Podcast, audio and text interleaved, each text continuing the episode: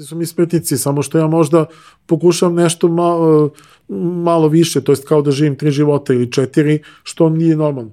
Naravno, mi smo imamo dozu sujete kao i svi, međutim možda je to kod nas na Balkanu malo zastupljenije i onda ljudi što god da radite van vašeg posla ili vašeg života, gledaju da vas degradiraju jer odmah gledaju da vas ni podaštavaju.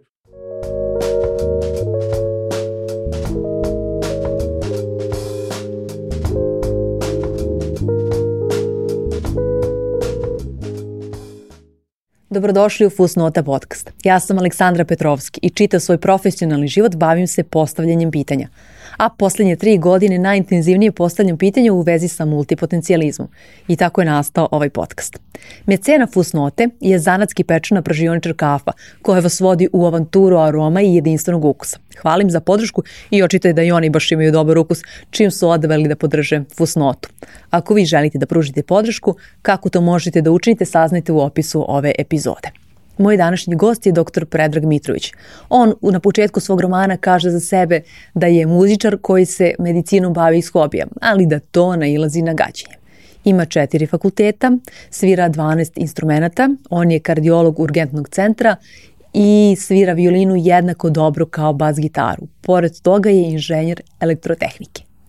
Kako mu sve to uspeva pokušat ću da saznam u narednih sat vremena u našem razgovoru.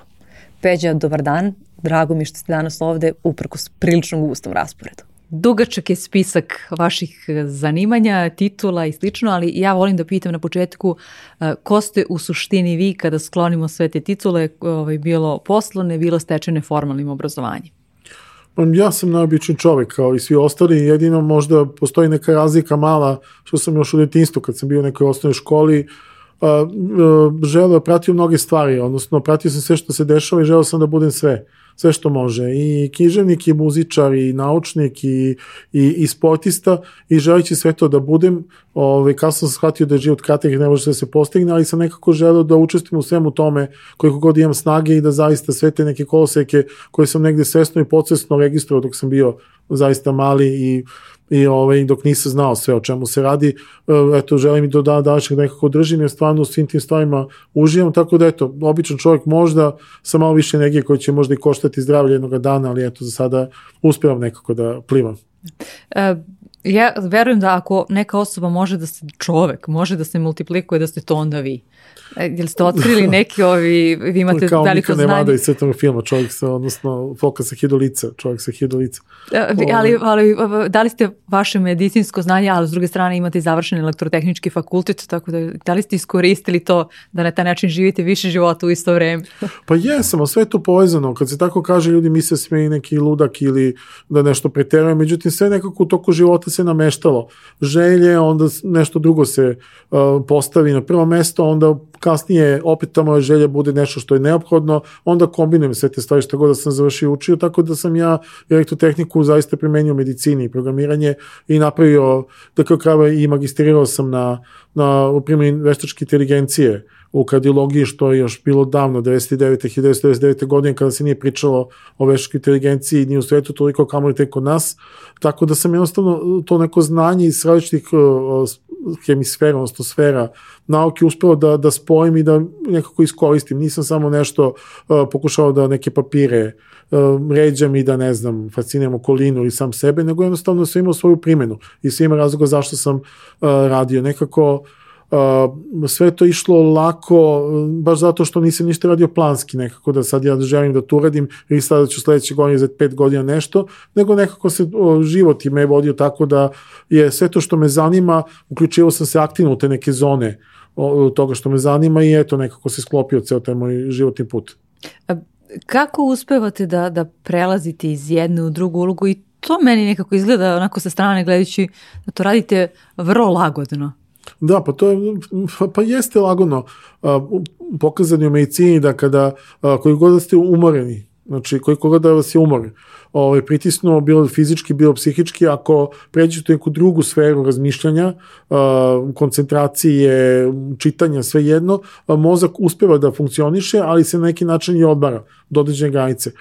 Tako promjenom tih nekih aktivnosti, bilo svako, u toku dana, svakodnevno bilo u nekom periodu, mene praktično odmara. Naravno, sve to ide na uštrb tog nekog fizičkog zdravlja i odmora, dakle sna, koji je nezameljiv, što naravno nije dobro i vreme će pokazati koliko mogu da izdržim i da ću imati neke posledice, ali nekako kada iz jedne oblasti, bilo koje, što nije bitno da je to medicina, muzika i šta god daje, kada pređete u drugu, vi se praktično odmarate. Drugo, ja nekako uspijem i sam sa, sobom, znači da kako vam kažem, vratim se sa posla bitno tamo iz bolnice i onda sad sedim kažem, dobro, sad sam ja književnik. Onda uzmem pisaću mašinu, ove, stavim ispred sebe. I još uvijek pišete na da? Pa volim kad god mogu da pišem, a da posle imam problema da prikucam, ali u principu trudim se, jer je zaista užitak. I onda stavim pored sebe ne, ne, neku tečnost da, da pijem, stavim specijalnu lampu, prvo se učem se da glumim pisca i onda je posljednji sad sam ja neki pisac. I ovaj, zaista je uspio to mentalno u glavi da se zaista potpuno prekopčam ovaj, u, u tu ulogu, odnosno da jednostavno promenim pravac i zaista uživam u tome. Nakon toga čak se dešava dobro, sad sam ja muzičar, imam mali studio kod sebe u kući, onda ja sad sednem, Prince učem se takođe, liči na muzično, onda sednem, upalim sve što treba i pojačala i ovaj, miksetu i sve i onda pravim muziku i potpuno se mentalno, iako sam sad gledajući saticu i kako sam se umorio, ja sam potpuno kao da sam tek ustao i onda sam u tom svetu. Jedino posle kad sve to završim, onda uspijem da spavam 2 do 3 sata i jedno ustavim za posao, ali sve jedno. U svakom slučaju se osjeća bar mentalno mnogo, mnogo odmorniji nego, ne znam, da završim recimo svoj posao i da onda spavam, gledam film, pecam ili bilo što drugo radim. Sad postoje ljudi naravno koji nalaze svoj odmor u tome. Dakle, ja imam dosta koja koji idu pecaju, sad njih to zaista odmara, neki prati samo filmove, slušaju filmove, odnosno gledaju filmove, slušaju muziku i to im je dovoljno, ali eto, ja sam tako kažem, od malih nogu sam želeo razne stvari da radim, ali su me zaista interesovali, znači ne onako kao što svi prolaze. I nekako mi je, moram priznati sada, eto, pošto godine lete, pogotovo što je čovjek stavi svi brže, da mi je žao što e, u, u nekom periodu života čovjek to je definitivno istina ono što slušamo, nije bitno od roditelja i uopšte što je u svetu poznato čovek do 40. 45. godine nešto stvara, nakon toga treba da uživa plodove toga što je radio i više nema vremena ovaj, za neke stvari. Tako da i ono što meni, moram priznam, lično smeta, e, nemam životnog vremena za sve. Znači sve što sam radio, što radim, želeo bih da završim, međutim postoji mi jasno u određenom periodu da neću stići jednostavno biološki vek postoji šta god da bude i to ako svi živimo prosečno, neću stići kamo i tek niko ne garantuje da me neće biti možda za tri dana. Tako da čovjek shvata i onda mora da počne da otpisuje neke stvari ili da pokuša da završi neku priču. I to je ono što meni ne smeta mi, nego jednostavno mi je žao što neke stvari neću dovršiti kao što sam mislio i šta mogu sve, ali dobro, u principu dosta je stvari bilo i do sada, kako da kažem, jednostavno čovjek mora da nekako da, da neke priče završava isto ko što čovjek postaje svestan, sada malo banalizujem stvari, ali ja sam, moram priznati, kupio jedan automobil, sam kupio sam na kredit i onda kad sam kupovao pre 16 godina i više, ja sam ovaj, rekao, dobro, pa veze, do, dobro je taj auto, kupit ću ja, ima vremena, a onda, pošto živim od plate, ovaj, onda shvatite da sada ja teško ću moći da kupim još jedan, jednostavno čovjek mora se pomeriti sa time ja sam kupio nov automobil i priče je kraj, vidjet ćemo polovni nešto kad sve pokoje, ali neki novi automobil je jako teško. Tako da to su isto neke stvari, ta neka konačnost koja u svakom slučaju dolazi kod svih nas i jednostavno mi diktira život. Ali opet, e, sad da ne zvučio mnogo tužno i patetično, ovo ima dosta životnog vremena, ali kažem, kad bih imao bar dva života, i kako bi mi bilo dobro. Ali ako se vi žalite da niste, koji ste toliko postigli, da ipak niste sve postigli, šta mi obični smrtnici da kažem? Pa dobro, nije, pa ja, mislim, su mi smrtnici, samo što ja možda pokušam nešto malo, malo više, to jest kao da živim tri života ili četiri, što nije normalno. Ali jednostavno mi je žao da neki taj život ugasim, zato što uvijek ima, u stvari, kako vam kažem, opet moram banalizujem, ali imate materijal za te život da ga prođete dalje, prosto mi je žao da sad sve to nekako prođe pored vas, nestane ili ne ostane negdje zabeleženo. Ako, ako možete izvedete da ipak to pod navicama zabeležite, nije, ne misli samo da zapišete ili da snimite ili ne znam, ne kažete, nego može na više načina da ostane nešto Tragi pod za navicama vas, zabeleženo. da. Da. E, Malo pre ste rekli, ja sam tamo neki pisac i to zvuči vrlo skromno. Ja sam pročitala komentare e, na sajtu Laguninom, oni su fantastični, ne znam da li ste vi čitali. Nisam, ali... Ali- ja sam u početku čitao i ne, nisam u naviku da... A, to je toliko ovaj, za, za vaš roman posljednji koji ste izdali prošle godine, Pun pansion, ja sam sa oduševljenjem. Koliko su, koliko su ljudi onako i srdačno ovaj, sve to napisali, redkost je prava, a s druge strane vi dobijate a, pohvali i stručne ovaj, iz branše zapravo, ljudi koji su ovaj, profesionalni pisci, to je a, jedna strana, a s druge strane a, isto tako čitam do, dosta pozitivnih komentara vaših bivših kolega sa studija, vaših kolega a, sada u urgentnom centru. Kako ste uspeli zapravo i to da, da, da, da, svi, da svi oni vas, da kažem, priznaju? Jer a, dešava se, ga, a on lekar, on je pisac, u stvari među lekarima vi ste pisac, a među piscima vi ste lekar, verovatno. Da, pa dobro, Ali to- da se poštuju. To je uvijek takva pozicija, kako vam kažem, e, naša, naša sredina je takva, inače mogu reći i Balkan. U nekim drugim zemljama i razvijenim i kada ja sam bio dosta u inostranstvu, relativno na edukacijama iz medicine, naravno, u stvari u svim tim zemljama razvijenim, kada radite više stvari ili radite ih onako solidno, da ne kažem dobro, ovaj, više vas cene. Znači, vas cene na zapadu i ako znate da se skijete, vi već imate kao osoba e, neku e, višu vrednost e, kao, baš kao ličnost. Kod nas je ako, naravno, mi smo, imamo dozu sujete kao i svi, međutim, može je to kod nas na Balkanu malo zastupljenije i onda ljudi što god da radite van vašeg posla ili vašeg života, gledaju da vas degradiraju jer odmah gledaju da vas ni podaštavaju. Znači, ne gledaju ako radite nešto drugo kako radite, nego samo, ah, on radi to, ma, on radi svašta, on, ono, nema vremena za ovo, nema vremena za, ne znam, druge stvari, nego tako. On, I onda gledaju da vas ponize na taj način, međutim, mene to zaista ne pogađa, kako on kaže, stojim iza svega što sam uradio. Na kraju krajeva, sve što radite, uključujući medicinu i te druge neke moje aktivnosti, to su sve uh, stvari koje mogu da se valorizuju, da se izmere,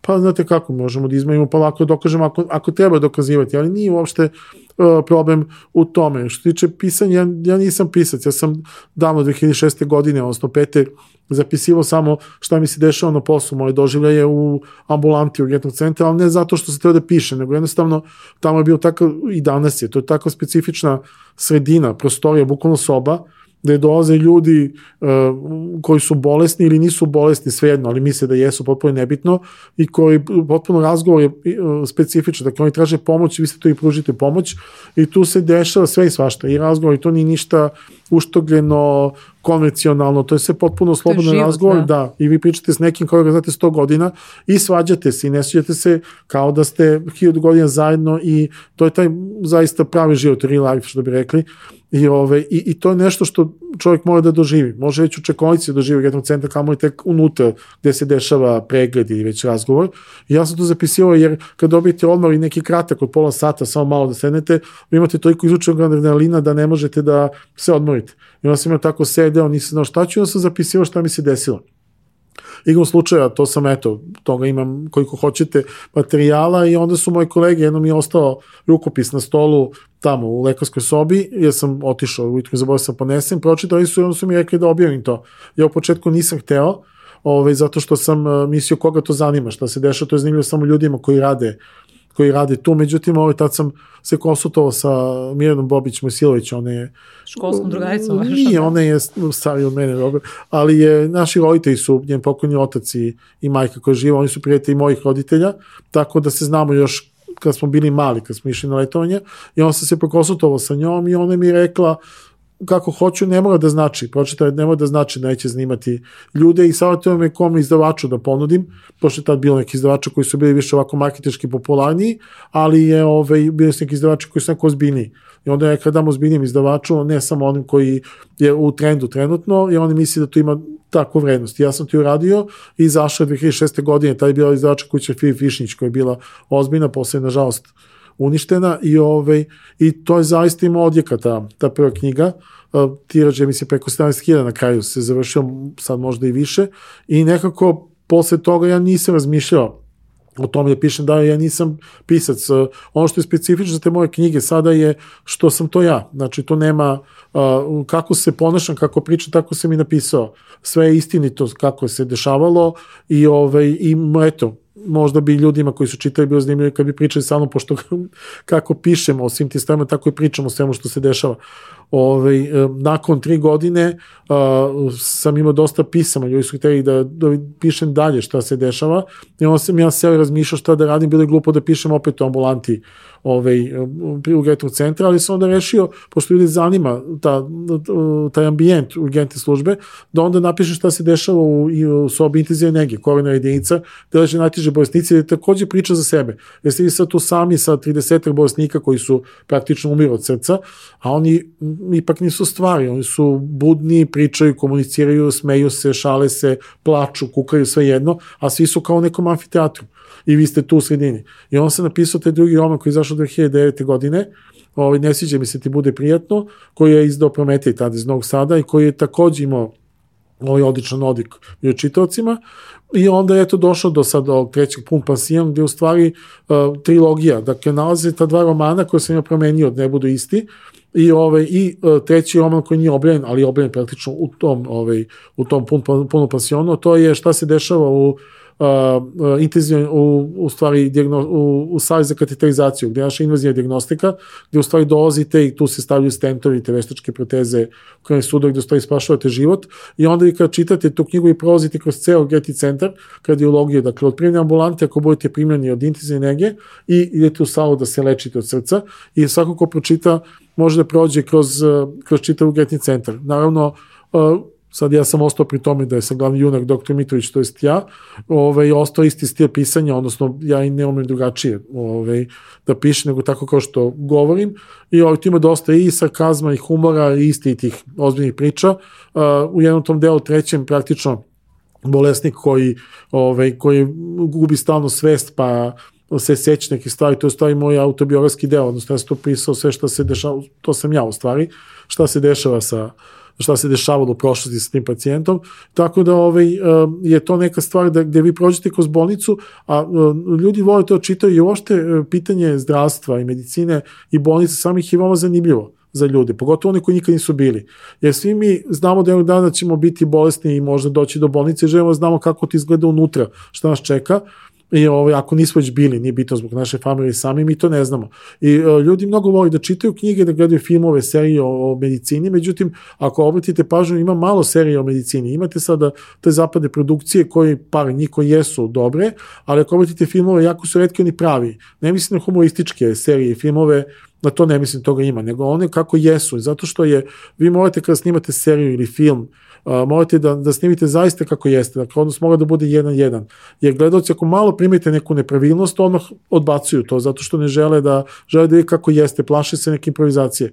Tako da eto, to važi isto i za pisanje, i onda sam se ja trudio da ustoj pisao sam kako jeste, pošto nisam ništa ništa menjao. I evo sad novi roman koji pišem, ja sam mislio da pređem malo na istorijske romane, ovo imao sam neku drugu ideju, iskupljao građu pet godina, međutim... Pričali ste mi da, da, da ćete... Ovo, međutim, hoću ipak da ostajem u domenu medicine, jer na kraju krajeva ako već pišem nešto, pa moja priznati, to, to je ipak neka ekskluzivna stvar, jer mnogi knjižnici ne mogu da budu u bolnici, mogu i dođu da gledaju, ali ne mogu da dožive taj način kao neko ko radi to.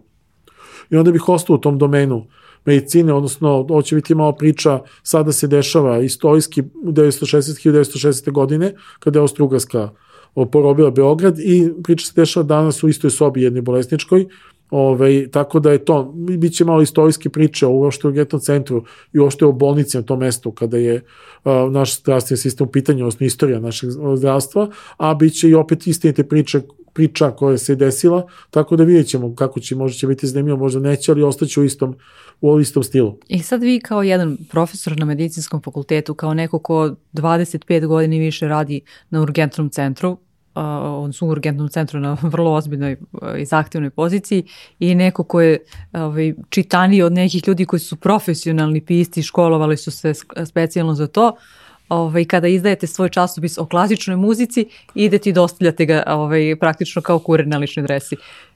I to je ovaj, toliko ličnosti u jednoj. Pa dobro, jeste, ali opet je to ta priča o nekom, o, znači kada promenite, uh, da kažem, posao i ono što radite, vi se odmarate. Dakle, vi, vi recimo časopis prelamam časopis i onda sam prelamač dizajner. Onda nije bitno, šaljem račune, šaljem poštu pretplaticama, onda sam kao pošta raznosim, ja se tako obučem, sedem na moped i raznosim. I onda mi se dešavalo ovaj, baš na muzičkoj akademiji, tadašnji dekan, ja sam mu doneo časopis i on se zahvalio, pa onda sam posle došao, posle pola sata, ja sam zaboravio još neke primeke, on uopšte, on je rekao, ej, dečko, zamoli tvoje da mi pošao još dva primeka, to sam i potpuno ja, isto, uopšte nije registro i nije mogu da veruje da se to dešava, tako da, ali ja se, ja ništa nisam rekao, da se, sam se lepo osjećao. Zato što u redu, ja sam sad raznosač i ja zaista uživam. Sednem na moped, stavim, pustim muziku sebi, vozim se, raznosim tamo dostavnice i sve i jako mi je lepo. Mislim, odmara me na kraju krajeva i, i svaki posao donosi neke svoje izazove, ne mora bude nešto, ne znam, visoko tehnološki posao ili neki fizički posao, svaki posao ima neku svoju lepotu. Tako da uopšte raditi to nije, nije problem. A ovaj, uh, kad smo pričali o knjigama, mislim, samo sa digresija jedna, ja u principu, što sam imao naravno prigovori od knjižnika profesionalnih i cenih, da ja, ja i kažem da ipak nisam knjižnik, bez obzira na to što sam objavio, jer nekako, kako da vam kažem, uh, mislim, danas je svako knjiženik, navodno. Svako ko napiše neku knjigu, on je knjiženik. Ipak, knjiga postoje, određeni fakulteti, nije bitno određeni struke, da vi ipak učite kako se piše roman. Postoji struktura, postoje, ja sam to prvo spoznao kada sam pisao te prvi roman, onda je treba ta Cici Dinićeg tela u, u, ovaj, da uradi ovaj, scenariju da bude pozorišta predstava. I onda sam imao kontakte sa njom, ona je pročitala i onda mi ona sama zvala i rekla je ovo je u redu, super je, ali pošto je to ambulanta, ljudi ulaze, izlaze, sva što se dešava i završava se noć. Od 8 ujutru do 8, od 8 uveče do 8 ujutru. Ona je to lepo, ali za predstavu za bilo šta mora da postoji zaplet. Znači mora nešto da se desi u nekom trenutku, nije bitno, fenomenalno, srećno, tragično, ali mora nešto da se desi što će malo prodrmati celu priču i posle može se nastavi. I to je neko pravilo koje postoji. Postoje ljudi koji to uče, koji znaju strukturu romana, nije samo stavljeno napisati. I onda reći da sam neko pisac koji sam napiše, prvi kaže za sebe da ja nisam pisac profesionalni. Dakle, postoje ipak profesionalni pisci koji zaista znaju, to ipak zanat, ipak se i to uči postoje fakulteti gde se to uči, nije bitno i srednje škole. I nije sad, ja sam protiv toga da svako ko napiše nešto, on je pisac. Sad, naravno, kad sam to rekao, on, i, i profesionalni knjižnici su rekli da to nije baš tako, da ipak se gleda i kako je to što je napisano i rezultati toga i nije sad sam da može svako da piše, a, slažu se naravno u tome da ipak treba znati neke, neke zakonitosti i sad eto ja učim u hodu, ali smatram da nije korektno reći Da, ja, ja imam tako zanimanje profesionalno da ne mogu da kažem sada uh, da je neko lekar jako nije uči medicinu zato što je to ipak nadalje kastu i to je opasno po život. Tako da ja nemam tu neku branšu uh, da imam takve probleme, ali sigurno nije prijatno da kao kao što se dešava recimo u ministarstvu kulture da vas pozovu budete savjetnik, a recimo lekar ste ja prvi da mi se sad u ministarstvu zdravlja pojavi savjetnik um, arhitekta je bi rekao čekajte stanite, pa na šta to liči, mislim šta on zna o tome, a sad je neki savjetnik, Tako da jednostavno svako treba da bude u svojoj branši gde je, gde je profesionalno obučen za to, a ostalo ako ima talent, dobro, ako postoje neke rezultate, on može da uđe u taj sistem i da bude član udruženja, različitih udruženja književnika i muzičar i sve to stoji, zato što ispunjava neke uslove koji se traže, ali nekako meni je prvo neprijatno da sad sa nekim zaista sjajnim književnicima profesionalcima, da ne pričam samo o broju objavljenih romana i štiva i nagrada, da se ja sam tu kao neki sa njima u nekom istom košu nije bitno možda na dnu, ali sve jedno nekako mi ipak, ipak neprijatno. Tako da ove, to je ipak neka zona koja... Vi imate a, odgovornost prema znanju zapravo. Pa znate, da. možemo tako da kažemo. Jednostavno, meni lično je neprijatno sramotime tih ljudi.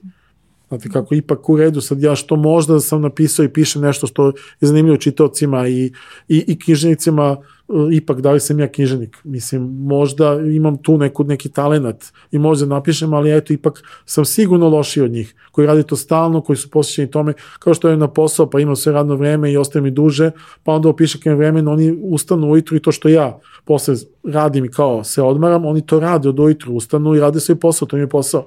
I sigurno ja moram njih više da cenim. Ako ništa drugo, uloženi i, i ovaj mentalni uh, mentalni napor i, i njihov mentalni sklop za to i vreme koje potroše, ipak je to nešto što, što treba poštovati, jer ipak je to njihov primarni posao.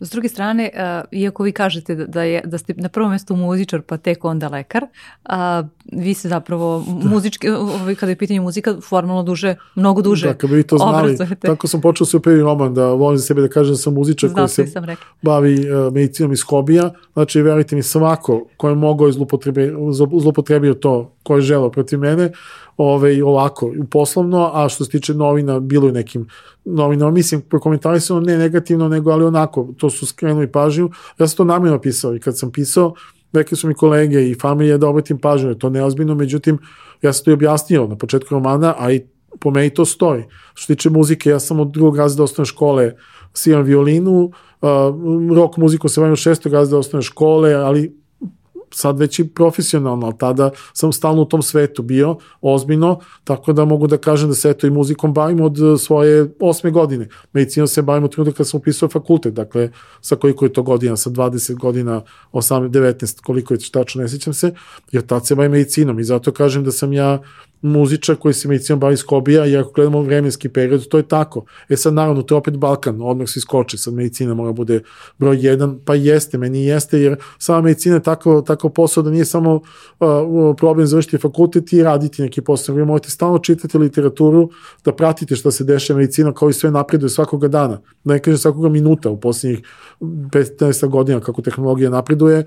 Uh, drugo, ja se bavim i naukom i ja sam profesor na medicinskom fakultetu, dakle uh, moram da pišem i naučne radove, imate tačno standarde na fakultetu da bi napredovali. Koliko morate radova da objavite u tom periodu od četiri godine, koliko morate u časopisima koji su, indek, koji su ozbiljni svetski časopisi, vi to morate da radite. Znači, to, to uopšte nije, nije lak posao, da gledate pacijente, sakupite podatke, pravite kontrole, da ih lečite, tako da je daleko od toga da, to, da imate vremena za nešto drugo i to je meni jeste primjeni posao, ali eto, na uštrb svog slobodnog vremena, ja se bavim nekim drugim stvarima, a ne spavam ili se ne šetam.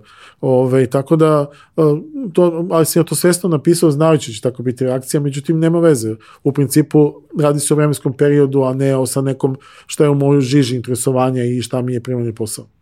E, interesantno mi je bilo prošli put kada smo razgovarali, ste rekli kako ste sami otišli da se upišete u muzičku školu, pokušali ste, da, pravili ste plan. E pa sada ovaj, isto u tom razgovoru ste rekli kako vi smatrate da roditelji bi ipak trebalo, pogotovo na prostorima gde mi živimo, da da se ne ne mešaju, odnosno da imaju ut, ovaj, uticaja u, izbore de, u izbor svoje dece da, da koliko su, rekli ste da ste i kao mali se za svašta zanimali i tako dalje, koliko su zapravo imali vaši roditelji uticaja na vas? Pa znate šta, ja sam, o, ja imam stariju sestru Nadeždu koja je zaista bila, da kažem, wunderkid, ona svira klavi sa 4, 4,5 godina, a stvarno je svirala ozbiljno ono što čuje.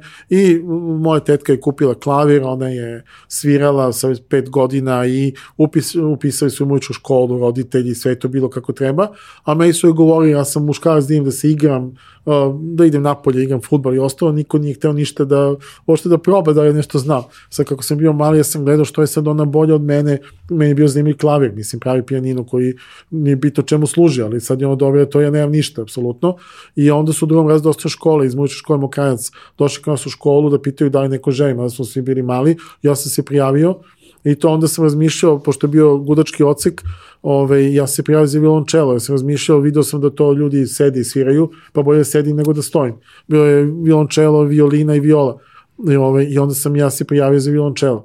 Kad sam došao kući, ako roditelji moji su se prvo šlogirali, iznadili su se uopšte kod kud ja sad potpuno, opet je bila ista priča da, da se igram, ovaj da kakva muzika, kako bilo šta ostalo. Drugo, bili su šokirani, pošto je moja uh, baka svirala violinu i moj otac svirao violinu, onda imam tu poveću violinu, onda su rekli da bar idu da promene, da bude violina, ko će da nosi violončelo sada u početku dok me vode. Međutim, i onda su me prebacili na violinu, odnosno sam se prebacio i tako je počelo. Sad nije mi žao nijednog trenutka, zato što to je zaista, uopšte sviranje bilo kog instrumenta i, i muzika apsolutno se oplemenjuje.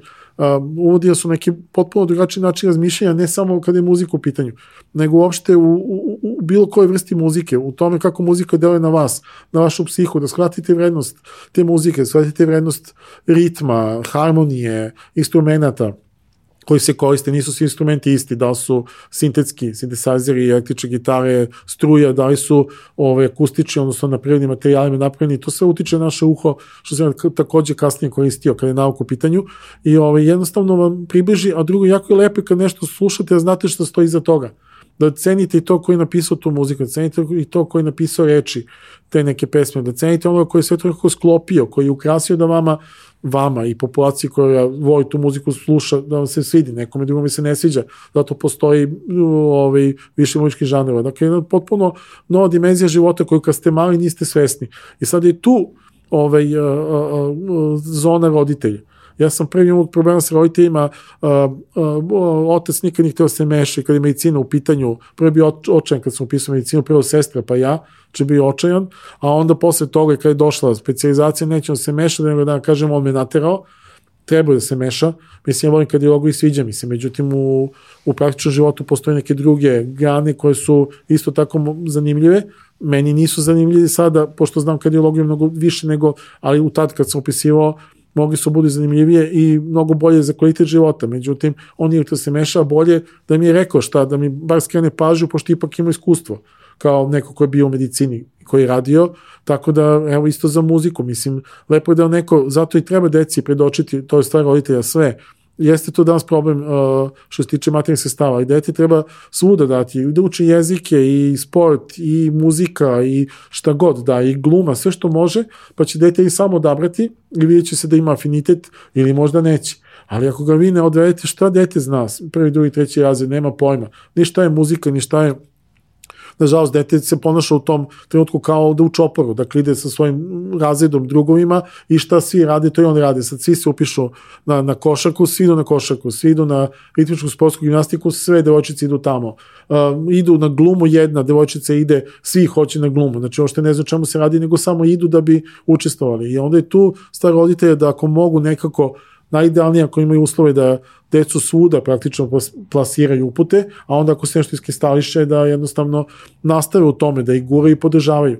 Ja sam recimo morao da krijem gitaru, zato što u šestom razredu električnu gitaru od roditelja, ovaj, zato što jednostavno to je bilo, moji roditelji su bili takvi da e, bitno je da učim e, e, i da eto bude dobar đak i sad ja sam možda specifičan, svi su mi nekako specifični za sebe. Uh, ja ne verujem mnogo u horoskopske znake, ali definitivno nešto tu postoji, odnosno definitivno ljudi koji su nekom znaku se slično ponašaju. Ja ne mogu da prihvatim da neko koji je rođen kad ja ili 50 godina pre mene ili 50 godina posle, da, da se isto ponaša, međutim tu nešto ima definitivno. Ja sam uvek uh, slušao roditelje, to jest ono što mi kažu, ja uvek reagujem, neću da prihvatim i svađam se, međutim, nažalost, uvek ostane zacrtano u podsvesti i u svesti i uvek, nažalost, htjevam nešto da prelomim i da, i da odlučim i uvek Vrati se na njihovo. prihvatim to što su oni rekli do određenih godina kad sam shvatio da, zato što sam uvijek razmišljao, pa dobro, toliko imaju godina i živali su i žive, valjda znaju nešto bolje od mene u tom trenutku. Dok nisam shvatio u jednom trenutku svog života da to baš nije tako. To jest da su oni živjeli ipak u nekom drugom periodu, nekim drugim uslovima, imaju drugačije iskustva i ne mogu baš da znaju sve. Ali tako kad ste mlađi, da kažem, osnovna srednja škola, pa i deo fakulteta, vi opet kad je neki problem, vratite se na rodite, uvijek vam je to nešto, pomislite, pa vada oni znaju, nisu odrasli na drvetu, vada znaju bolje nešto od, od mene i onda postupim. I tako kad sam bio mali, ja se sećam, još drugi razred osnovne škole, bilo je uvijek priča moram da učim, jer ako ne budem završio školu, neću imati šta da jedem i mogu da umrem, mislim, nisu rekli da umrem gladi, ali neću imati da, da živim i da jedem. I to su rekli jedan puta u nekoj priči, ja sam to zabeležio, tada sam do dana današnjeg imam stalno to, ako, ako ne završim, ako, ako ne radim, šta ću, kako ću, čega ću da živim. Jer i sad imam taj neki osjećaj, uh, straha jednog dana ako se razbolim i neko moj blizak, da će biti u, u, u zdravstvu, nije bitno, kukova, da, šta će, da će moći nešto da se radi, ako nemate nešto ušteđeno, ako se ne sređete, nećete preživeti kvalitet života nikakav, i vratno što tako i dumam s tom nekom, s tim nekim osjećajem, stava neke, neke opasnosti života koje su ugrožile samo taj vitalnu, vitalnu zonu. Dakle, zdravlje, e, jelo i da imate eventualno krov na glavu da baš ne kisnete. A, to je bukvalno od te rečenice roditelja koji su u kom kontekstu tad me i to rekli. Vjerojatno sam hteo da idem da se igram dole, pošto smo ovaj, živeli iznad školskog dvojišta i sad ja vidim kad se okupi društvo igra futbol i onda da bih ostao da završi domaći zadatak, jer su u tom nekom kontekstu upotrebili u prolasku bukvalno i mi se tako je bilo. A meni se to urezalo do dana današnjeg i eto, roditelji definitivno imaju uticaj, što i treba da bude, kad ste mali, a sad kako će neko na to reagovati, da ćemo ostati neki ne znam, saveti ili neki, neki tu spoj detinstva ili neće, to je sad stvar svake osobe pojedinačno. A kako je, uh, rekli ste da definitivno postoji trag i da vi još uvek razmišljate na neki način o tome da, da je bojazan, uh, ali istovremeno imali ste možda neke bolje prilike u životu da i obezbedite mnogo bolje svoju egzistenciju uh, bilo kroz uh, medicinu, da, da, da negde u inostranstvu ostanete gde ste bili i na postdiplomskim studijama, znam da ste bili i u Rimu i u Americi, ili tako, da. ako se ne varam, a s druge strane i kroz muziku koju, u kojoj ste jedno vreme zarađivali da. ovaj novac. Ipak ste ostali na ovom koloseku u kome ste, u kome ste, u kome ste sada. Pa znate kako, to je sad možda i usud neki, zato što eto, medicina je priča za sebe. Ove, ovaj, ja volim često da kažem, svako zanimanje je lepo za sebe i pogotovo ako neko voli zanimanje koje se bavi, nije bitno kako je došao njega, završio fakultet, kurseve, prirodno potpuno nebitno, ako uživa u tome, to je najbitnije. Ja volim medicinu i medicina je specifično zanimanje. Dakle, kad radite, vi možete da popravljate auspuhe, da zidate mostove i sve to lepo i uh, Uh, i most, ajde, neće se sruši, ako nije dobro može se popravi i tako dalje. Međutim, ovo je posao gde jednostavno imate tu specifičnost da, da prečkate, kako ja kažem, da čačkate po čoveku. To je nešto što je specifično. Znači, jednostavno, to nije stvar, to nije neki proizvod uh, nas, ljudi, to nije neka, nije čak ni, ni neka... Pa jeste proizvod nas, ljudi, da. Jeste, da, ali u stvari je to proizvod, da kažem, ovaj, više neke prirode i ne, nečega što mi ne znamo šta je. Da li su vam zemaljci, Bog, šta god da je, neko je nešto se desilo. Da li su nas doneli, spustili, da li smo se razvili od Adama i Eve, šta god da je, nešto se desilo što ne možemo znamo, a u svakom slučaju smo neko ko je sada u ovom trenutku okosnica života na zemlji. Nije bitno, mi smo jedna vrsta koja je isklivala, odnosno životinje i biljke, razvila neki intelekt koji misle da će se na kraju ubiti, ovaj, uništiti vrstu, ali nema veze, to će vreme pokazati. U svakom slučaju se razlikujemo i eto, otišli smo u toj zoni lečenja, odnosno produžimo životni vek i da poboljšamo kvalitet života pojedinca ako ne, ako ne produžu životni vek. Tako da je to nešto specifično da vi, nije bitno, mehanički, fizički ili lekovima nešto u čoveku menjate na bolje, nekad i na lošije, ali to tek na kraju, ne znate u početku. Je, to, to je nešto što, kad dođete u kontakt s time, dakle, ili vas opčini onako vas potpuno hipnotiše ili ne ili je to neki kuluk za vas i onda odrađujete, jer ja isto volim da kažem da je i medicina vrsta umetnosti i isto se kolege ljute za to, jer ja kažem i stojim iza toga da svaku medicinu može završiti, svako. Treba biti samo da upiše, kad je upiše i ako nema memoriju, ako ne shvata o čemu se radi, pošto i to nešto što se povezuje, nije samo učenje na pamet, može se naučit će na pamet, reprodukovat će možda za šesticu, ne za desetku i proći će, studirat će možda 10 godina, 15, svejedno, hoće završiti ako hoće. Ali isto kao u slikarstvu ili, ili u muzici, vi imate uh, akademiju likovnu ili muzičku završi, nije bitno, 10, 50 ljudi, 100 godišnje i jedna godina, druga, treća i broj se poveća, ali imate jednog solistu i dvojicu, dvoje solista koji isplivaju vremenom. Imate jednog i dva slikara koji su zaista vrhunski i koji su dobri u odnosu na, na čitavu populaciju koja jeste završila, ima papir, završili su oni sve to. Tako isto i u medicini. Mi, mi svi dobijemo papire, imamo licencu da radimo, ali imate ljude koji jednostavno imaju neko treće čulo i za pacijenta kad dođe, kako otvori usta da vide šta mu je možda, ako nešto složenije, da, da nanjuši što pre o čemu se radi, da jednostavno tako povezuje sve što zna, ima, kažem, treće čuo sve jedno i dođe brže do diagnoze i do pravog lečenja. A imate lekare koji, do, pacijent dođe, on ga sasluša sve, onda krene redom, sve, islika ga, podi krv, sve što može, što bi u narodu udri, onda to staje na, na sto vidi onako šta zna, otvori sad Google i ostalo knjige koje imamo, pre ovaj, otvori knjigu, pogleda i tako zaključi nešto leči, pa on se ispostavi da baš nije tako, pa jednostavno i tu postoji ta neka prirodna predispozicija za, za to neko medicinsko razmišljanje. Tako da kažem, medicina je deo umetnosti i nešto što se meni sviđa. Sad da sam ja u medicini umetnik ili mehaničar, što bi rekli, to će vreme pokazati takođe, ali ja lično uživam u tome. Tako da, bez obzira, eto, bio sam u savršavanju, mogu se ostati u Americi, pa sam se vratio se nadao da će ovde biti bolje. To je bilo 94. godina, tako relativno davno, vjerojatno bih ostao sada, da, da sam ponovno prilice, da sam mlađi. Bio sam u savršavanju iz urgentne medicine u Rimu, uh, vjerojatno bih i tamo ostao da je sad neko drugo da, da me sad neko pita, sada malo, kako vam kažem, i uh, gde god dojete vi krećete iz početka, koliko god imate papirološki neku prednost i ovaj, sa godinama čovjek jednostavno uh, da li ima to neku svrhu, kao što sam rekao, život je kratak i sad nešto počinjati da sam 20 godina mlađi, ne bih razmišljao. Ovako, u principu, Ove, I ovde možete da učestvujete, probate da poboljšate, bar kada je e, medicina u pitanju, svi će odmah skočiti na politiku i ostalo, ne bih pričao o tome, možemo o tome pričamo koliko hoćemo drugom prilikom, ali u principu ja lično, moj pogled je da je, mi smo svi ovde stanovnici ovog područja i nije bitno šta god da radimo, politika i sve to što nažalost naš život vodi je naš servis Dakle, naš servis koji nam služi da imamo čiste ulice, da imamo snabdevenost vode, hrana, da imamo, ne znam, i, i politika, znači izvođe, izvoz, uvoz poljoprivrednih proizvoda, naših proizvoda, dakle, to je servis koji mi biramo i ono što kod nas ne valja u životu, što je bilo i ranije godina i decenija, da mi svi e, naš, naše servise stavljamo ispred sebe kao da su nam neke on sam svevišnji, a ne, ne, ne naš servis koji mi biramo i koji nama služi jednostavno. Tako da mi se to treba promenimo u našoj svesti svi i da radimo to što radimo što bolje možemo i da onda ti naši servisi, te naše proizvode pod nalicama plasiraju što bolje.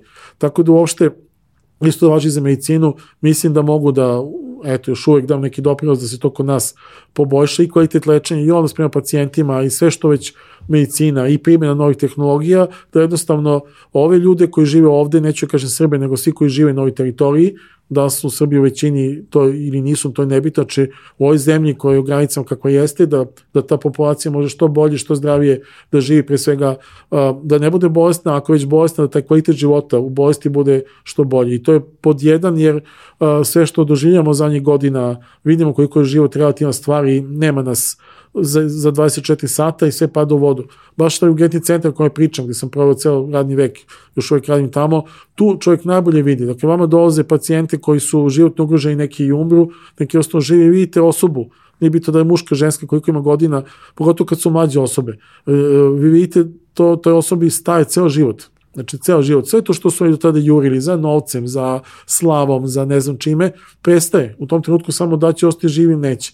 I ti ljudi zaista kad, kad provode vreme u bolnici, oni sami to shvate. I se njima dolazi familije, prijatelji, sve oni sami shvate koliko je ta neka junjava relativna stvar.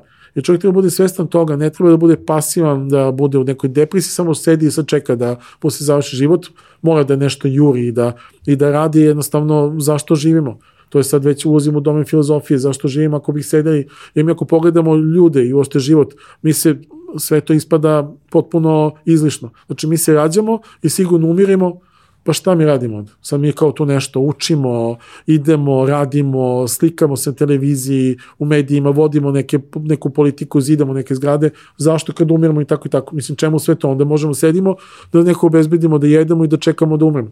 Tako da čovjek mora nešto da radi, to nema razgovora, ali ljudi shvati koliko je to, e, svi mi u samom životu, toliko odemo u tu neku krajnost, to nekog ludila, junjava za raznorazne stvari, nije bitno kolima, letovanjima, oblačenju, kućama, stanovima, šta god daje, nebitno je. Nažalost, u današnje doba se sve spodi na materijalne vrednosti. E, činjenica da je potrebno imati neku materijalnu potporu za, za život, ali e, redki su ljudi, ja imam samo jednog, jednog od mojih kuma od koga sam čuo u životu da je rekao ja sam zadovoljan. Ja sam srećan čovjek, imam sve, imam krov nad glavom, imam auto neki polovlje od oca, imam posao i dobro, ima čeku i sve sad to je u redu, nego rekao ja imam sve. U principu što treba... Da li ste vi zadovoljni? Jes. Ja sam zadovoljan. Pa eto, čuli ste još jednog čoveka. Pa dobro, ja ne mogu sam sebe kažem, jer, pa znate kako i mene nekad povuče, hoće ovo, hoće ono, onda čovjek kad stane, kaže, čekaj, mislim, stani, imam da ne kisnem, mogu da jedem, ima da se prevezem sad to isticanje kola automobila, ovaj, to je samo tekovina savremenog društva, zato što mi često smo imali problema, recimo u krugu bojice da se pakiramo i onda se ljudi bune, vi dođete na vreme na posao 15 minuta ranije, ne možete sad vremena da uđete unutra, nemate da se pakirate, ljudi ono, su mrzlo i nezadovoljni i onda naravno stare kolege kažu pa dobro, radimo cedom, pa dođite u pet, bit će mesta. Pa znate kako, možemo i dođemo i osam uveče, pa čekamo jutro, bit će mesta, ali nije to suština života. Suština života je da bude nešto pri, ono, prilagođeno savremenom društvu.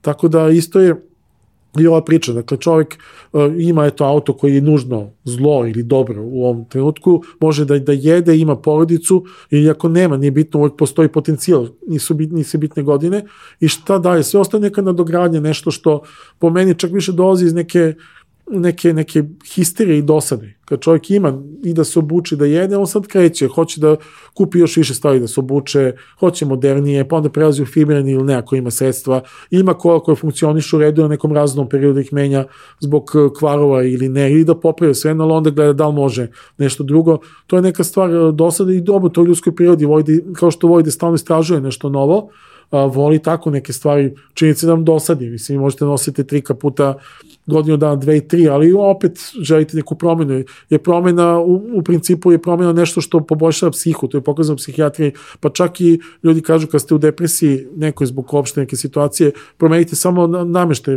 raspored namešte u sobi pa će vam biti bolje. Dakle, samo vizualna promena je već bolje, iako ni ništa tu kvalitativno i kvantitativno promenjeno. Samo, samo vizualizacija... Šta vi menjate kada je vama loše? Ne mogu da kažem da, da Pa ne menjam ništa, eto ja ulazim u te zone pisanja, sviranja i ostalo gde jednostavno utonem u to i zaista uživam u tome i tako uspevam da se nekako izvučim iz te neke, ajde kažem depresije, nešto, ipak imate uvijek problema u životu i samo, u samom životu vašem i na poslu i, i u svim tim zonama i onda uspevam tako da jednostavno se isključi, kažem, dobro, sad ću da pišem nešto i da i onda određeni period to radim, nije bitno, pola sata, sad, tri, pet i onda već posle toga bude bolje. Ove, ali naravno i sama promjena rasporeda nije tako loša, pa makar promenili položaj stoja iz jednog ćoška u drugi, tako nešto ako možete. E, posao lekara i generalno bilo kog medicinskog radnika je da opisan prilike da nemaju pravo na grešku, a suštinski greške su sastavni deo tog posla, nažalost. Kako ste naučili da ovaj da kažete ok, ja ću dati sve od sebe da to ima najbolji mogući ishod, ali da, desit će se greška, da budete na neki način možda hrabri. Kako pa, to vi kako, naglasio? to je opet stvar, mislim, greške. Ja sad, e, svi će reći da lekari ne greše, ja kažem da ne greše i naravno opet će mnogi vaši slušalci skočiti to, jer oni znaju desi se ovo, desi se ono. Uh, vi kada završite medicinu i specializaciju, specializaciju se edukujete ovaj, kako šta da radite. Imate tačno propisano kad šta prema određenim simptomima, dijagnostičkim metodama šta primenjujete. Dakle, vi ništa sami ne izmišljate. A, pogotovo u zadnjih 20 godina postoje ti neki vodiči neke zemlje su imali ranije, da vi morate, pogotovo tamo u zemlju kojima je kapitalizam bio na vlasti, vi imate kao mali telefonski imenik je bio nekad bukvalno sa ABCD, kao što smo nekad imali da upisujemo brojeve, i oni imaju koja je bolest, šta ima, on otvori i tu ima tačno 1, 2, 3, 4 šta daje, ne zato što sa neko želi da poboljša kvalitet, nego tamo su odmah čim nešto ne valja, uh, tamo familija odmah tuži automatski zbog lekarske greške, ne bi dobila neki novac. I to je tako i onda su oni napravi kompletan kod po medicinskim pravilima kako treba da se šta daje i onda može svako vas tuži, vi izlite ono kako jeste i priče kraj. A, nažalost, to je, i na sreću, to je sada postao standard, dakle, iz tih nekih početnih više ekonomskih razloga se razvile su se neke preporuke, medicinski guidelinesi, koji su isti u Evropi, uglavnom Evropa i Amerika predvode to, odnosno to su konsenzusi prema svim naučnim studijama, iskustvima, ovaj, kartotekama koje postoje, nalazi se tačno šta se kad, kako radi za svaku bolest nije bitno i kardiologija i druge bolesti i mi smo u tom sistemu, odnosno ceo svet i tačno, imamo tačno šta kad kako dajemo lečimo. Činjenica je da vi morate, znači to je isključio ljudski faktor, vi morate imati iskustvo. Nije bitno, vi iz jedne familije leku imate 3-4 leka, jedan je uvijek malo jači, jedan je slabiji, sad vaše iskustvo je za to da vi procenite nekom pacijentu da ćete dati malo jači diuretik za mokrenje ili malo slabiji i kog stepena sad tu ta dolazi ta neka zona te neke umetnosti, znači vaše kreativnosti Kreativno. da vi osjetite pacijenta, da vidite, date mu lek, gledate ga, oni tu pratite, smanjite i ostalo. Međutim, što god da radite u toj zoni kreativnosti, znači ne samo ovoj koja je fiksna, nego kreativnosti vi ne pravite grešku Znači vi ne možete, ono što će možda vaše slušatelje biti smešno, čovjek se teško ubija, jako teško. Čak i onaj koji je zaista ovaj, težak bolesnik, vi ne možete napraviti toliko, kad je, toliko grešku da ga vi ubijete vašim lekom ili potezom. To je praktično nemoguće. Ono što jeste zabuna, ja gledam kod nas, znači kardiologija, intenzivna kardiološka nega, koja jedinice doze najteži umrići bolesnici, znate, svi dođu i sad 90% familije i pratioca uh, ovaj, kad dovede pacijenta i misli se kad on uđe tu da je to to, da on je on živ, da, da je on redu, niko neće setiti u kakvom stanju bio, niko i ne zna u kakvom je stanju.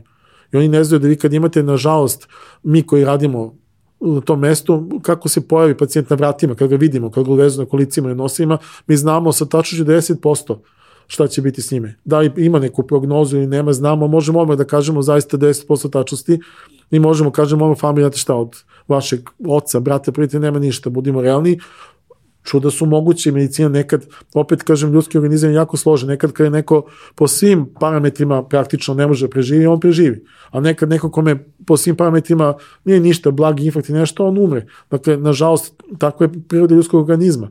Mi ne znamo nikada, jer i naš organizam je, god se teško ovaj, ubija čovek, postoji ti neki neki, neki procesi u telu gde kao domino, izvučete nešto malo i ceo organizam se sklopi kao, kao kula od karata. Tako da ovaj, koliko god je složen i težak da ga izvedete iz sistema, da ga ubijete, to je koje je i može da se izvede samo od sebe. Tako da je to jako, jako igra. Ali, kažem, familije ljudi obično pričaju, očekuju čudo, što je naravno opet e, prirodno. Vi želite, vi dolazite neka vrata gde ulazi vaš neki blizak i dragi i vi očekujete spas, zato ste došli. Niste došli da ga ubacite, pa šta bude biće. Redki su takvi ljudi koji su svesni. I, ove, I onda naravno kad se desi nešto, ovaj, onda ispadne da je uvek je lekarska greška, uvek se traži da je neko nešto pogrešio, a kažem, e, teoretski vi ne možete, pa i praktično i ne možete pogrešite i, ovaj, i mislim, e, niko i se ne upušta da radi ovaj, ako, ako ne zna nešto. Mi imamo isto, i ne samo u nastavi, nego ovako i kad dođete, ako niste u nastavi, sve neko nije u nastavi, imate kao i u svakom poslu. Neko se zaposli, ima papire, ne radi on nikada sam. On određeni broj meseci, godina, ide uz nekoga, uči, tek onda kad se cela ceo kolektiv složi da on može da radi sam, nije bitno što on ima i diplomu i pečat, nije bitno. Kad se mi složimo da on može da radi sam, te onda puštamo, pa ga puštamo u smene gde je najmanji broj bolesnika, gde su naši bolesnici, jednostavno to je ono što kažu škola, ne znam, internet klinike, škola, kliničkog centra, odnosno kardiologije, škola, ova škola, ona. Po tom školom se podrazumeva to kako je taj neki čovjek koji to radi obučen. Obuka nije samo učenje i papirologija, nego i to neko iskustvo gde mi nekako uh, tog nekog mlađeg kolegu ili koleginicu oblikujete. I to postoji svuda. Tako da, ali dobro, znate kako, kad, kad doživite stres, kao neko blizak umre, vi uvek tražite uh, neku, pogotovo ako se nešto desilo Nema u poslije vreme, da. da, svi su krivi, samo, samo nije kriva ta osoba koja se nije čuvala uh, kad je trebalo i ne znam vi koji ga niste upominjali, jer eto, preventiva za 15-20 godina stvarno kod nas je malo e, ta priča o prevenciji bolesti je ipak je češće nego što je bilo nekada i sve to što govorimo, smanjiti uh, kilažu. Ja sam prvi koji sam gojezan, u posljednje vreme sam smanjio kilažu, ali iz drugih razloga, ovaj, da ne kažem bolesti, odnosno korone, uh, pušenje, lečiti šećer, pritisak, to se stalno govori, ljudi to ne rade. Neće. Beže od lečeva šećera, imate tablete, pa insulin ako treba od toga beže, nisu svesni što šećer radi organizmu. Znači ubija. I srce i sve ostale organe. Pušenje isto, hipertenzija, poviše kraj pritisak, katastrofa ako ne očite. To pravi takve promene od nekog aktivne smrti, tipa da se šlogirate, znači na licu mesta da pukne krvni sud, srca veliki, gde ako ne legete na 100 za 5 minuta, što neka nemoguće, vi ste mrtvi, do nekih degenerativnih promena koje posle u, u starijim životnom dobu, a ta starija životna doba je već od 55 godina, Znači nije starija životna dob samo 75, 80, pa onda nema veze. Ljudi nisu svesni toga, onda kad dođe od toga, onda je ta priča, ta neka jojo efeka, što bi rekli. Sad niko nije kriv, sad su svi krivi tu i to lokalno u tom trenutku, a mhm. neko koji ceo život uh, se gojio jeo, jeste, ko je podržan gojio, to je jako teško ali treba se kontrolisati, pogotovo kako prilazite uh, starim godinama, ipak nekako malo posetiti pažnju sebi, ići kod nutricioniste, kod uh, lekara iz higijene, smanjiti pušenje, izbaciti, nekako, uh, mi se svi osjećamo zdravo. Ja se preosjećam mentalno kada razmišljam i ostao kao da imam 15 godina. I isto se osjećam sada mentalno, ali moj organizam nije isti sada. I onda pre, pre 30 godina 40. Nije isti. Jednostavno imate zamor materijala, starimo, gase se neke funkcije, gubi se tečnost, ti elektroliti, mi smo na bazi struje sa elektrolitima funkcionišemo, to sve su sporava, imamo nedostatak, pijemo mi vitamine, nadoknade, pijemo cenjen soko, sve je to lepo, ali organizam nema tu moć više da to povlači i sve što je višak, što ne može povući, izbacujemo. Znači, kroz stolicu. Nije, ne možemo. Znači, ne postoji elixir mladosti. Uh, elixir mladosti se stolićima traži, tako i nastala stvari medicina. Jer prvo su, čovjek je uvek želeo da, da vidi kako može večno živi. Tako su nastajali hemičari koji su pokušali da nađu elixir mladosti i postojala je vera koja je bila protiv alhemičara i na kraju su ti alhemičari prelasi upravo u farmaceute, a nakon toga i u lekare i tako iz alhimije i nastalo, ali osnova alhimije je večan život. I dan danas ljudi pokušavaju i imate transplantaciju organa i ono što mi kao ne, ne dozvoljamo klonove, ja sad ovo je moj lično mišljenje, vjerojatno postoji kloniranje, vi ako ste imali ovcu koja je klonirana u Britaniji, znači tehnološki može se izvede. Ne, ne isključujem mogućnost nekih ultra bogatih ljudi da mogu to sebi da urede i sve, ne isključujem, mislim da se ovo ne bude teorije zavere, ali je teoretski moguće. Mislim, to se ne dozvoljava zato što ako bi mogli da se kloniramo, da živimo, svet je prenasen sada. Ako i veštački naseljavate zemlju u kuglu, nećemo imati ni da ni da jedemo, ni da pijemo vodu i treba ostaviti prirodi koja to reguliše kako, kako je regulisala stotinama hiljada godina. Tako da je to sve nešto što je što je neka zona, ali u svakom slučaju jednostavno medicina je napredovala i uh, sad optuživati nekoga, medicina nikad nije bila na višem nivou ni tehnološki, ni stručno, ni, ni kada su znanje u pitanju, ali opet nije, nije nešto što je sve da. moguće. Ne može, neke bolesti izleči zaista uspešno, neki ne može.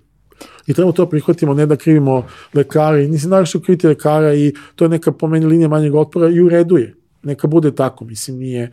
I kako kažem, ljudi kažu tužiću, pa onda to država štiti, ne znam, društvo štiti. Nije, te kako, znate kako vi odete tamo, imate e, te tužioci, istražitelje i veštaki koji su i tekako strogi i koji tekako lekari su, pogotovo u državnoj službi u teškom, da kažem, procepu, vi nemate kapacitete, a onda kada dođe od tužbe, otvara se akti koji su 100 godina gde vi imate propisano krevet, metraža oko kreveta i ostalo što je postoji 50 godina poslednjih kod nas i onda u tom trenutku uh, vi onda vi odgovarate za to. Mi više idemo na sud zbog toga što kada ste kod tuđog pacijenta i odgovaramo i dobijamo disciplinske mere ne zbog lečenja pacijenta, nego zato što zašto je pacijent bio na nosilu? Recimo pitanje, a mi imamo uh, kapacitet 25, odnosno 30 kreveta, imamo 50 bolesnika, svi leže na krevetu, kada dolaze ljudi koji umiru, vi ne možete ga, kažete ja nemam krevet, izvolite napolje, nego stavite na, na nosile, leži, čim se oslobodi krevet, prebaci se. E onda familija se buni, zašto je on na krevetu, nanosio nije krevetu, vi kažete pa nema mesta i sad kad odete ta pravna strana, to je crno-belo. Oni kažu dobro, po, i sad mi kažemo tamo, znate šta, ali po zakonu ja ne smijem da vratim pacijenta, da ako umre da što je bio kreveta, ja odgovaram. A ovako, bolje bude i na klupi ispred, ili se nekada dobije leko od koje će ostati živ, nego, i onda vam kažu tamo, kažu pa to je sve lepo, mi shvatamo, ali tako piše i onda vi dobite disciplinsku meru. I ostalo što je ponižavajuće ne zato što, ne zato što ste lekar, nego to je jednostavno neka stvar koja degradira, mislim, to tako, osobu kao osobu i da nije lekar i da, da je bilo šta, ali dobro, to je sad ta igra zato je kažem, kao su stalno nevice žileta e, i hodaju na koncu svakog trenutka kad uđete, ja svakog i moj kolega kad uđem u bolnicu, ja sam stalno nevici žileta. Stalno.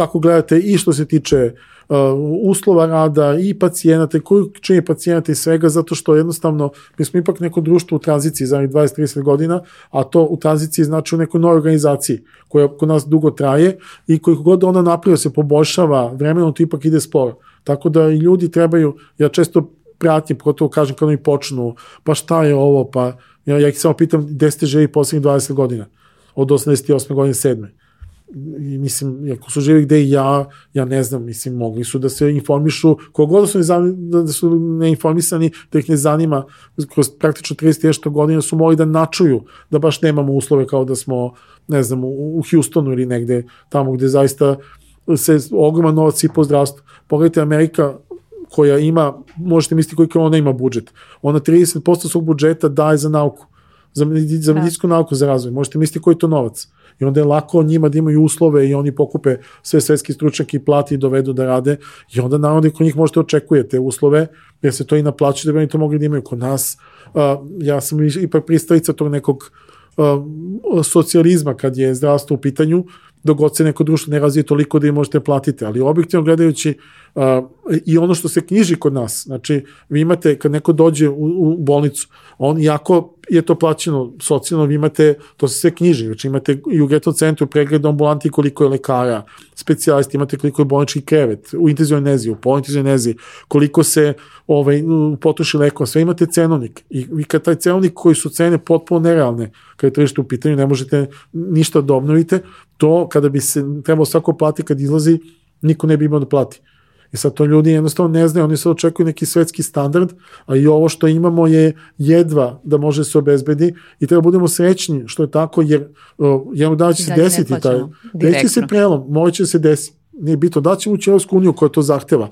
Ako i ne uđemo, država neće moći društvo, može ako se dogovorimo, kao što radi Švedska koja ima socijalno kao nekada u doba Tita i stare Jugoslavije gde je mogo sve, oni imaju, ali to je dogovor države, znači naroda jedne grupacije koja živi zajedno, da tako bude. I samo ako se tako dogovorimo, mi ćemo moći da, da imamo kvalitetno zdravstvo, tako to bezbrižno, bez obzira šta će ovde biti. Kapitalizam, komunizam, šta god da je. Ako se mi kao jedna polica dogovorimo kako ćemo i da se ne bunimo kad se uzima za zdravstvo, moćemo tako da živimo. Ali ovako, zaista verujte, znači svaka osoba prosečna koja ima posao, neko ko nema, ima malu platu, one, mislim, ljudi nisu svesni toga. Oni da, da, da plati ono što, nikakve ove, ljudske resurse, ništa, samo ono što se potroši materijalno na njih, pa ne bi mogli da plate uopšte celu platu godišnjo da ne bi mogli.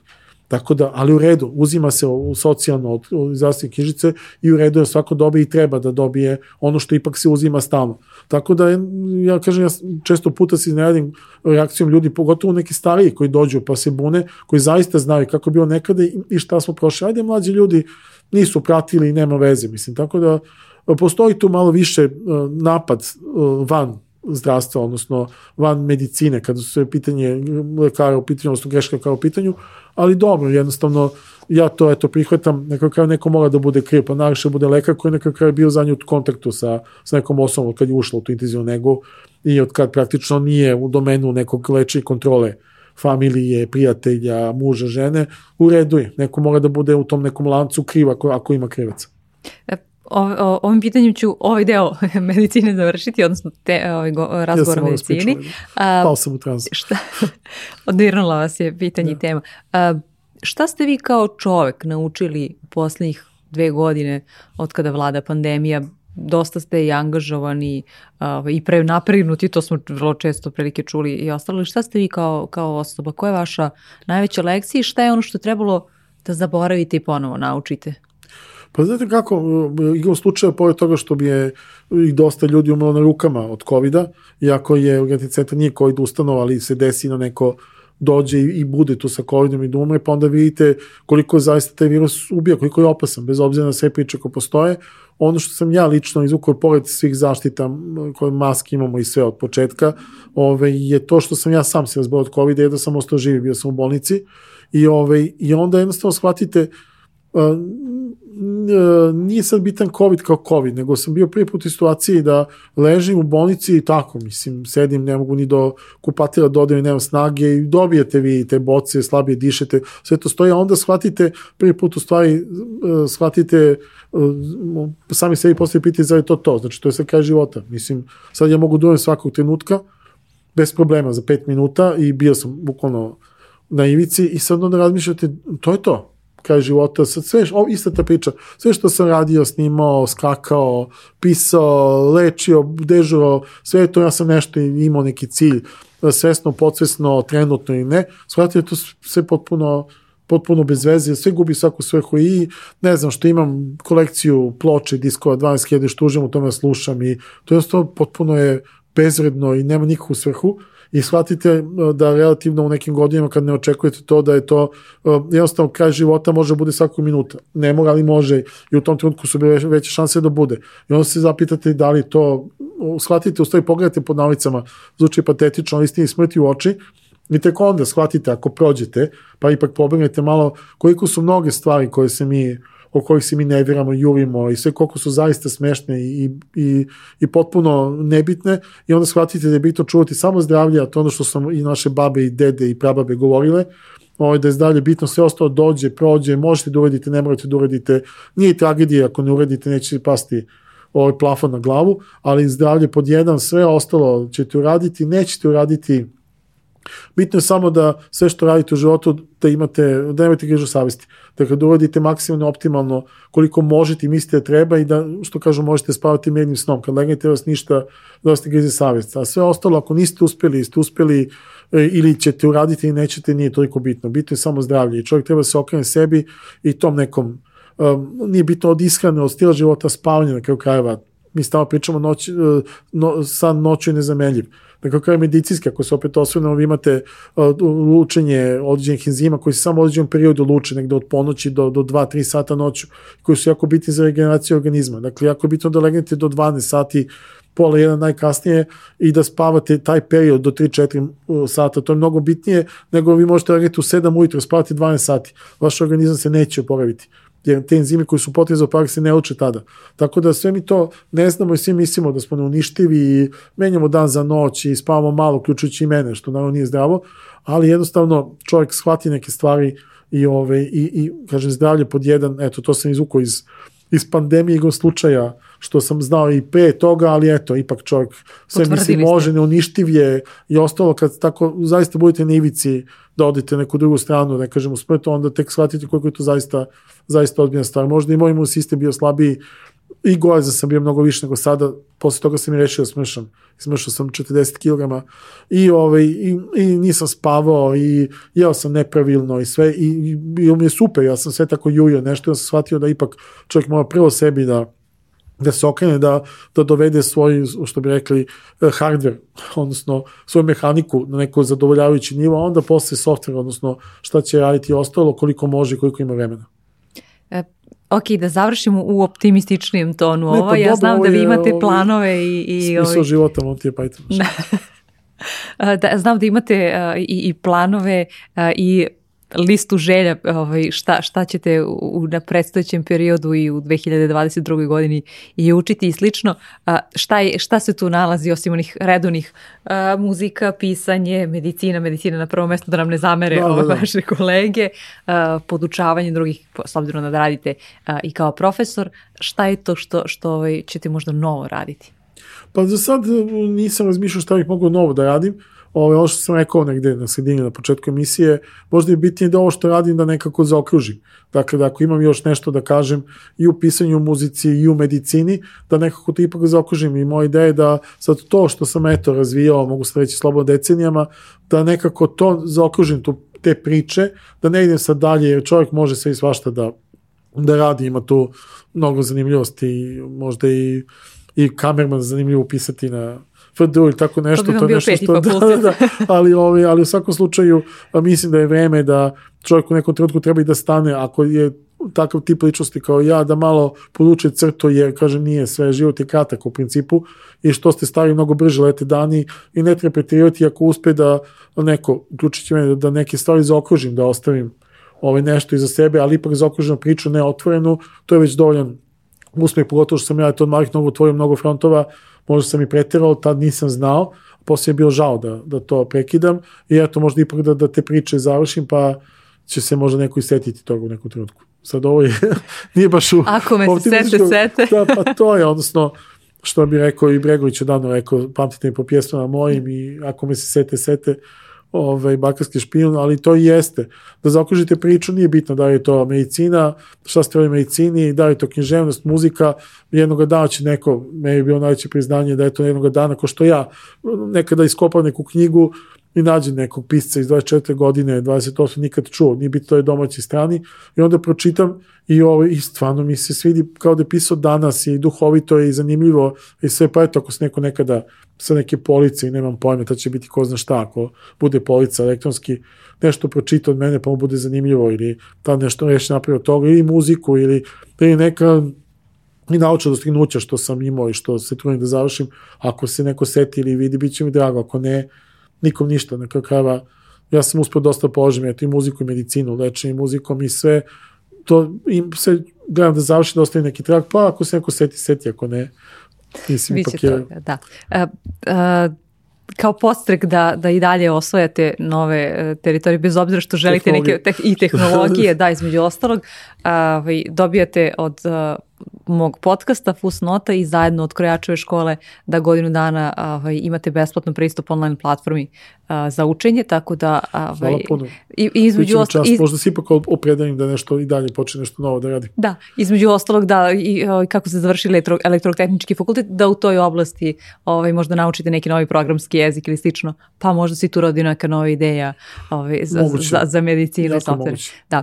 Hvala vam što ste bili ovaj, moj gost, znam da imate prilično ovaj, raspored popunjen i u svom osnovnom poslu, kamali ovaj, za sve to i što ste podelili ovo zrnce mudrosti, što ste nam otkrili malo iz drugačijeg ugla ovaj, pa Do, razmišljanja jednog mudrost. lekara.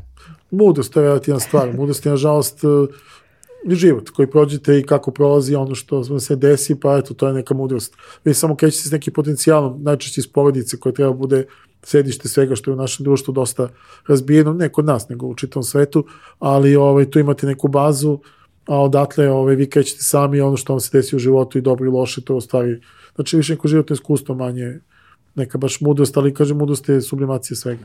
Nisam se još pitala ovaj, za, o, o vašoj čerki, na koju ste toliko ponosni, ali to je prilika da ovaj dođete sledeći put zajedno vas. Da, vrlo rado, ona je dosta blizu mene. Hvala. Prijetno.